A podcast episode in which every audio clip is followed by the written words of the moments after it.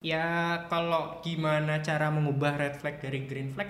Dari beberapa yang tadi kita udah bahas ciri konten yang red flag banget itu gimana sih Mas menurut Mas Rangga sendiri bagaimana cara membuat konten itu menjadi green flag itu?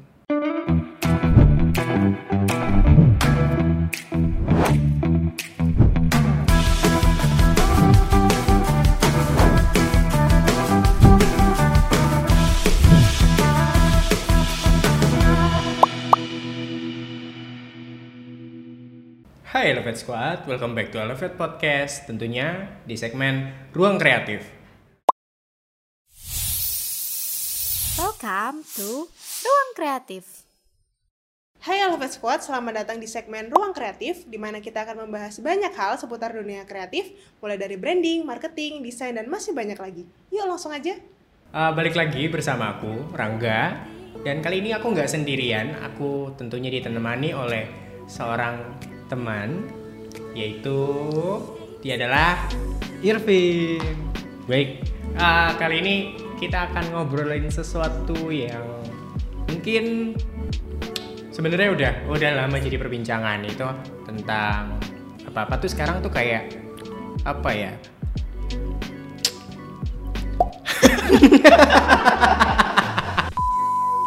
Oke, Irvin terima kasih atas waktunya sudah datang. Ya, sama-sama. Canggung ya? Iya. Eh, kali ini kita akan ngobrolin satu hal nih, Vin, yaitu soal istilah.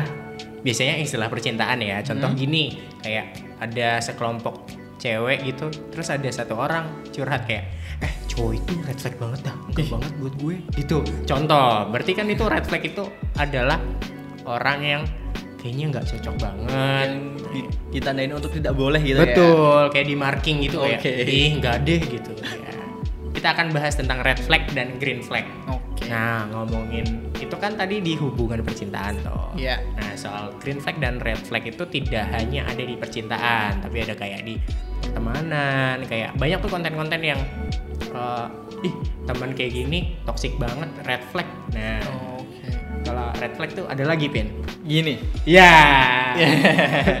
nah, red flag. Terus juga ada lagi nih soal tetangga, tetangga Hmm. red flag ada tuh. Terus ada juga banyak deh macamnya. Nah, sekarang kita akan nyambungin red flag dan green flag ini di dunia perbrandingan, terutama konten sama desain. Tapi ini kita akan bahasnya lebih ke konten ya, karena pasti ada deh Hmm. brand-brand yang uh, dalam satu brand guideline itu Iya. ada yang kayak misal salon kecantikan tiba-tiba ngomongin review makanan. nah itu flag sekali kan? Iya. Mesti kayak itu Keluar dari rananya mereka. betul. Harusnya kan nggak apa-apa, memang. Nggak apa-apa. Tapi Alangkah bahas masalah green flag dan red flag itu di dalam dunia konten dan desain itu sebenarnya ada beberapa hal yang harus kita tandai sebagai uh, materi yang mungkin kita bisa bawa itu menjadi suatu konten atau uh, atau desain itu sendiri dan yang tidak boleh. Nah kali ini kita bakal bahas beberapa ciri yang red flag banget untuk kita masukkan ke dalam konten. Menurutku sendiri kalau misalnya red flagnya dalam suatu konten itu yang paling fatal adalah nggak masukkan logo ke dalam konten itu sendiri. Ya logo itu kan merupakan apa namanya brand identity sendiri dari suatu uh, perusahaan atau brand itu sendiri. Terus salah satunya juga di konten media sosialnya itu juga ada logo itu juga sangat pengaruh banget. Terus uh, di dalam suatu kontennya itu juga nggak nggak ngasih call to action itu. Jadi setelah kita nonton dari konten itu sendiri kita nggak tahu uh, apa yang harus kita lakukan setelah menerima informasi-informasi itu. lalu selain itu ya Vin ya, selain itu ada juga beberapa red flag nih. Kalau menurut aku Hmm. itu kayak elemen gambar yang diambil tuh tanpa pertimbangan. Iya. Contohnya license, terus kesinambungannya dengan brand atau dengan style brandnya. Gitu. Bahasa dan strateginya tuh kayak tidak tertata, terus tidak dipikirkan strateginya dan tidak sesuai dengan karakter brand yang dimau. Terus apalagi ini ya, konten yang jelek banget readable-nya. Hmm. Contoh penggunaan font yang tidak kontras, Ya. size fontnya terlalu kecil, terlalu banyak uh, font yang dimasukkan di sebuah konten, terus tulisannya juga terlalu banyak gitu-gitu kan nggak nggak kebaca. Iya. Jadi itu menurutku red flag banget sih. Dari beberapa yang tadi kita udah bahas ciri konten yang red flag banget itu gimana sih Mas menurut Mas Rangga sendiri bagaimana cara membuat konten itu menjadi green flag itu? Gimana nih? ya kalau gimana cara mengubah red flag dari green flag kayaknya sulit ya tapi Hmm. lebih ke ini sih menjagai ya menjagai konten tersebut agar green flag atau dapat diterima atau layak lah lebih tepatnya kayak baca lagi brand guideline-nya. Hmm. gimana? Filosofi brand itu gimana? Stylenya gimana? Pembahasannya gimana?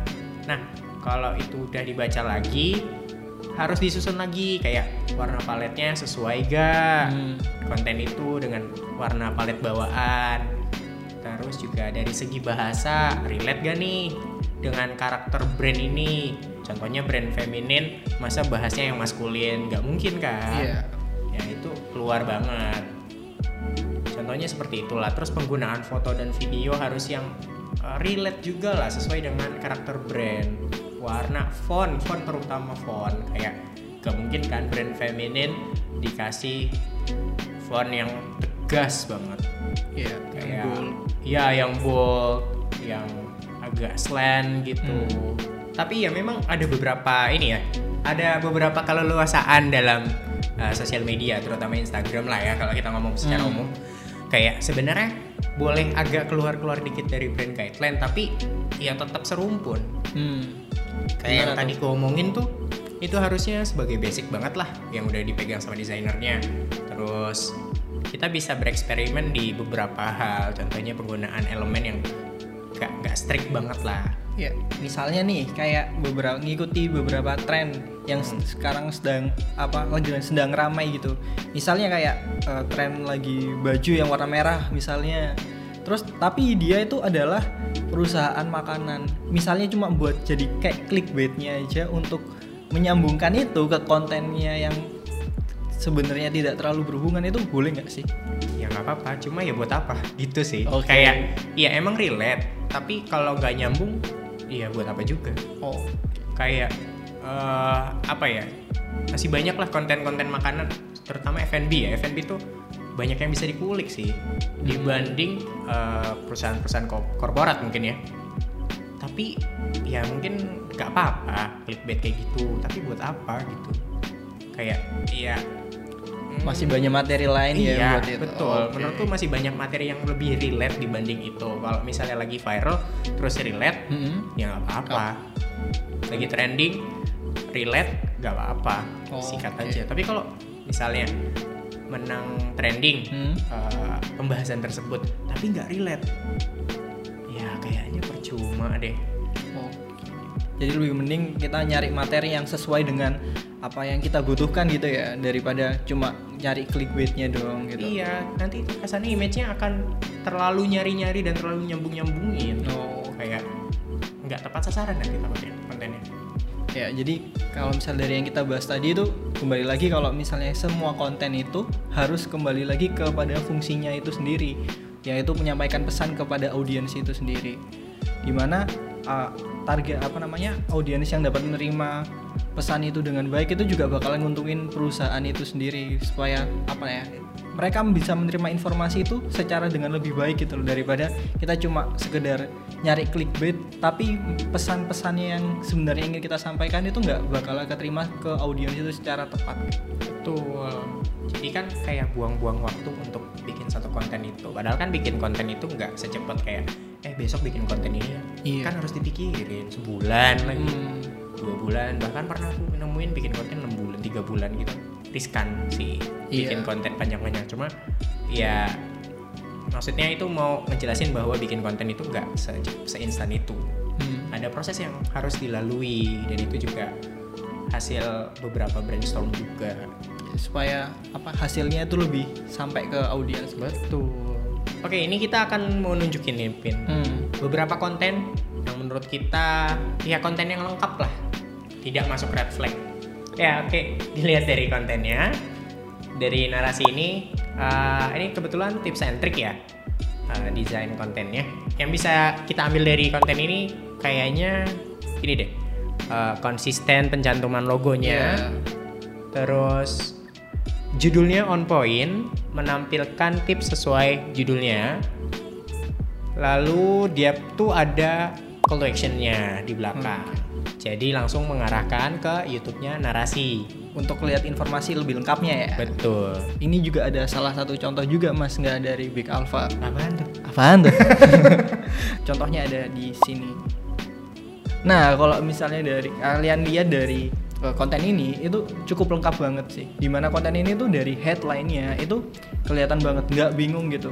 Dan mereka uh, ngasih desain yang clean banget, simple dan memberikan juga ada infografisnya kalau kalian lihat itu. Dan uh, kalian bisa baca itu semua dengan jelas tanpa bingung yang mana urutannya harus baca yang mana dulu. Kelihatan banget cover sama isinya dari infografisnya itu sendiri. Iya, jadi pengaturan layoutnya tuh sudah sesuai ya Iya. dengan cara kita membaca. betul. Jadi ketika kita menerima informasi itu nggak lompat-lompat gitu Nah, terus di uh, konten ini juga disertakan itu apa namanya info. Uh, infografisnya ini sumbernya dari mana sih? Jadi orang itu nggak asal oh aku lihat ini ada berita ini tapi nggak tahu sumbernya dari mana. Juga bahasanya yang digunakan dalam konten ini juga sangat komunikatif banget. Jadi orang awam pun yang mungkin nggak seberapa familiar dengan konten ini dapat menerima itu dengan lebih mudah sih. Approachable lah ya. Iya. Nah, dan yang di yang paling penting juga ada CTA-nya, call to action-nya itu. Jadi setelah mereka uh, lihat konten itu, mereka bisa kayak like, comment, share, dan save juga mungkin atau mungkin juga ada uh, link lagi di bawahnya untuk baca informasi yang lebih lengkapnya. Iya, tadi setelah uh, copywriting yang berima ya, kayak Iya. petir bukan sebenarnya petir. Cakep. Nah, itu kan, itu berima kan? Iya, Nah, berima. Terus dia call to action. Berdasarkan pembahasan kita tadi, itu kan sebenarnya kita udah ngomongin gimana sih ciri-ciri green flag itu. Iya. Ya udah, ini kita rangkum lagi nih biar biar apa ya? Biar lebih gampang ya nyerap ilmu ini. Contoh deh, konten yang green flag itu sudah Hmm. pasti findable Oke. mudah ditemukan terus menggunakan ads juga atau hashtag yang trending itu banyak caranya untuk dapat eh, Ditemukan sama kalayak luas. iya dapat mudah untuk ditemukan contoh yang kedua Hmm? dia juga shareable jadi Oke. infonya memang bermanfaat gitu contoh cara menanam biji gandum di rumah sendiri kalau bisa kan info yang bermanfaat Betul. betul toh Hmm. tapi kan itu cuma contoh Dan konten yang green flag itu harus readable. Jadi mudah dibaca dari beberapa faktor. Yang kayak tadi kita udah sebutin itu kayak dari ukuran dan warna dari font itu sendiri. Kalau misalnya kita pakai warna yang cukup kontras itu lebih mudah untuk dibaca daripada kita pakai warna yang hampir mirip mungkin kayak sedikit gradasi itu bakalan sulit untuk kita baca juga. Lalu dari segi layout, dari segi penataan desainnya itu juga kalau misalnya kita uh, sesuai dengan tata hierarki bacanya gitu juga sangat berpengaruh. Gak mungkin kan kita nulis apa namanya body copy itu lebih besar daripada headline-nya. Gitu. Ya berarti di layout juga disisipin juga white space kali ya kayak Iya. ruang ada ruang white Kosong. kosong ya ruang kosong white space itu ruang kosong untuk bisa kita juga nafas. Iya, jadi nggak terlalu sesak gitu. Tuh kalau kebanyakan juga kan gumoh Iya. sulit dibaca dong Iya. karena terlalu banyak elemennya. Mata juga panas gitu Betul kan. Mata ada- panas. Kepala pusing, Iya mual-mual. kepala cekot-cekot. Wah. Lalu dari leadingnya juga jarak antara uh, setiap baris dari tul apa teksnya itu kalimat itu itu juga kalau misalnya terlalu rapat juga membuat kayak kita males bacanya nggak sih? Iya, jadi kayak mata sampai gini nih. Nah, Hmm. susah jadi Dan juga yang paling menurutku juga paling penting dari suatu konten itu kayak dapat diingat dengan mudah gitu loh. Dan apa namanya konten itu dapat apa ya? tahan lama gitu loh nggak- lasting. Oh, oh, long lasting. Iya, iya, iya, iya. Nggak cuma menghibur Ikutin untuk tren. sesaat nah, eh, kayak yang tadi kita udah bahas gitu. Ikutin tren boleh, tapi kalau misalnya kita bisa bikin original, kenapa enggak? Iya, Aja. betul. Kita membuat tren bukan mengikuti tren. Ya, oke, kita tadi sudah ngomongin ciri-cirinya. Hmm, Gimana kalau sekarang kita ngasih tips nih? Oke. Jadi, tipsnya agar konten green flag kamu atau satu brand deh dapat menarik dan engaging gitu. Jadi, biarpun Hmm. kadang kan kita ngelihat kontennya bagus tapi ternyata share-nya nggak banyak Iya, like gimana sih dikit. betul gimana sih caranya udah kita udah kita mah bagus terus ternyata share-nya banyak atau engaging itu gimana tipsnya tips yang pertama menurutku itu membuat konten yang original dan out of the box. Nah, konten yang baik itu, yang out of the box itu kan orang itu lebih banyak yang suka gitu loh. Yang original yang belum ada di apa konten-konten orang lain itu. Itu menurutku bakalan orang lebih banyak bakal lihat itu, mungkin lebih share juga ke orang-orang yang mungkin belum tahu karena kita itu original lalu membuat headline yang click worthy atau kalau misalnya sekarang itu banyak yang ngomong clickbait yang menarik orang dalam sekali lihat gitu. Jadi nggak perlu orang itu baca sampai akhir tapi karena lihat covernya aja dengan uh, click worthy-nya itu yang cukup menarik orang itu bakalan mau buat baca itu sendiri. Oke tadi dari kamu ya Nih, Iya. kalau dari aku tipsnya mengambil sumber Hmm? dan data yang valid oke Contoh eh, ngasih data yang hoax atau sumbernya nggak jelas. Ya pokoknya konten boleh menarik, konten Oke. boleh bagus, tapi jangan lupa data harus valid. oke Jangan tiba-tiba ngasih angka eh, besok Indonesia eh, bakal jadi negara nomor satu di dunia nah ternyata hoax. ya kan? dari grup WA iya buat apa? iya grup bapak-bapak buat apa kan? Tidak Sumbernya- valid sama Iya, sekali. Ternyata broadcast doang. Lalu jangan lupakan Hmm? selalu mengambil gambar yang eh, apa ya lisensinya jelas. oke Jangan ngambil asal dari Google mungkin. Terus tiba-tiba ternyata gambar itu ada hak ciptanya. oh iya Nah itu kan bisa dituntut kita tuh sebagai pembuat konten atau sebuah sebuah brand malah Hmm. kita bisa dituntut oleh kreatornya. Perhatikan juga lisensi dari foto atau video tersebut. Pastinya kalau nggak free license, uh, minimal harus kayak commercial use lah. iya Jangan yang personal karena personal cuma boleh buat kebutuhan pribadi saja atau perorangan. betul Apalagi font ya, font tuh uh, license-nya sudah jelas. Kayak Hmm. font ini untuk commercial use atau font ini untuk personal use gitu kan. Atau ya segampang kita beli aja gambarnya lisensinya gitu. Atau beli apa download fontnya di Google Font gitu. Ya Google Fonts sudah pasti still open license sudah pasti free for commercial. Iya. Oke lalu membuat konten yang apa ya mengutamakan storytelling. Hmm. jadi kayak kita mau menyampaikan apa tapi ada bridgingnya dulu di belakang eh di depan. Iya ada alurnya gitu betul ya alur cerita. Jadi kayak pada zaman dahulu kala iya. hiduplah seekor Heeh. dia dinaiki. dia eh, tinggal di sebuah danau atau sungai namanya sungai Nil jadilah kuda Nil. Nah informasinya cuma cuma mau menyampaikan bahwa ada kuda Nil gitu kan. Iya. tapi ternyata dia ada. Asal tambahan tam- muasal. Iya ada asal muasal. Pada zaman dahulu. Kala jadi wah apa ini? Gitu. atau seenggaknya ada ini konten infografisnya. Jadi Iya. dalam satu konten ada beberapa data yang diberikan infografis. Ya itu kan juga mem- mempermudah kita buat bacanya gitu supaya nggak bosan dengan data-data itu. Betul contohnya yang sering pakai infografis itu setauku Tirto ID ya. Tirto ID itu Hmm. bagus bagus Tirto ID bagus. Oke Irvin. Kita sudah selesai membahas bagaimana konten green flag, Hmm. bagaimana konten red flag, ciri-ciri, terus gimana cara membuat green flag juga, konten-kontennya tetap biarpun dia green flag sesuai dengan branding dan segala macam, dia tetap engaging, Iya. ataupun tetap menarik, shareable segala macam. Oke, terima kasih ya Irvin atas iya waktunya. makasih juga Mas Rangga Iya, ilmunya semoga ilmunya bermanfaat ya. Amin. Amin. Oke. Oke. Oke, sekian dari kami berdua. See you on the next podcast. Bye bye. Bye-bye. Oke Elevate Squad, thank you udah nonton Elevate Podcast sampai habis. Kalau kalian ada topik tertentu yang ingin kita bahas atau yang lagi trending, langsung share aja di komentar di bawah. Dan biar kita makin semangat nontonnya, jangan lupa untuk like, komen, dan share ke teman-teman kalian. Have a nice day and see you!